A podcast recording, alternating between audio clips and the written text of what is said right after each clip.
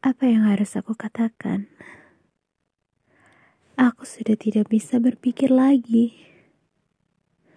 Pemikiranku entah kenapa menjadi seperti ini, kacau, balau, galau, dan kehilangan arah.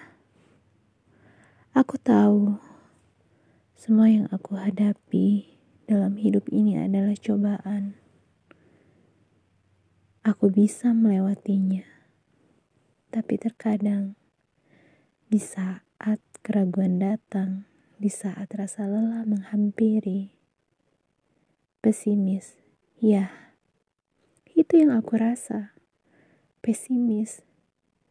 Entah kenapa seakan semua prinsipku yang aku pegang, semuanya itu hilang.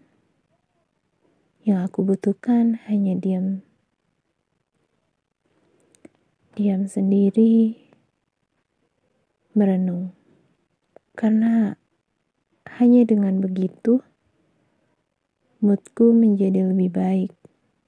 Entahlah, ini sebagian dari kisahku hari ini. Bagaimana dengan kisahmu?